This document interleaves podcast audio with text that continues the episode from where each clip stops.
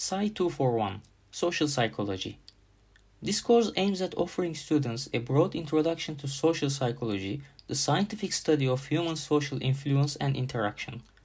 The students will develop a wide knowledge of theoretical and methodological approaches to social psychology by examining both classical and contemporary issues.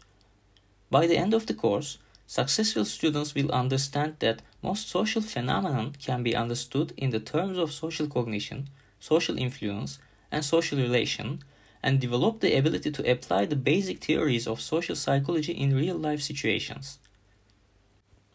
The content is the study of the individual in groups and society with focus on processes such as attitude formation and change, social influence, conformity, communication, and group dynamics. Learning outcomes of this course includes the ability to explain major theoretical framework of social psychology, such as the importance of subjective interpretation of social situations and different social motivations in influencing our behavior and mental processes. Also, the ability to describe the research methodologies commonly used in social psychology and the ability to relate principles of social psychology with real life phenomenon.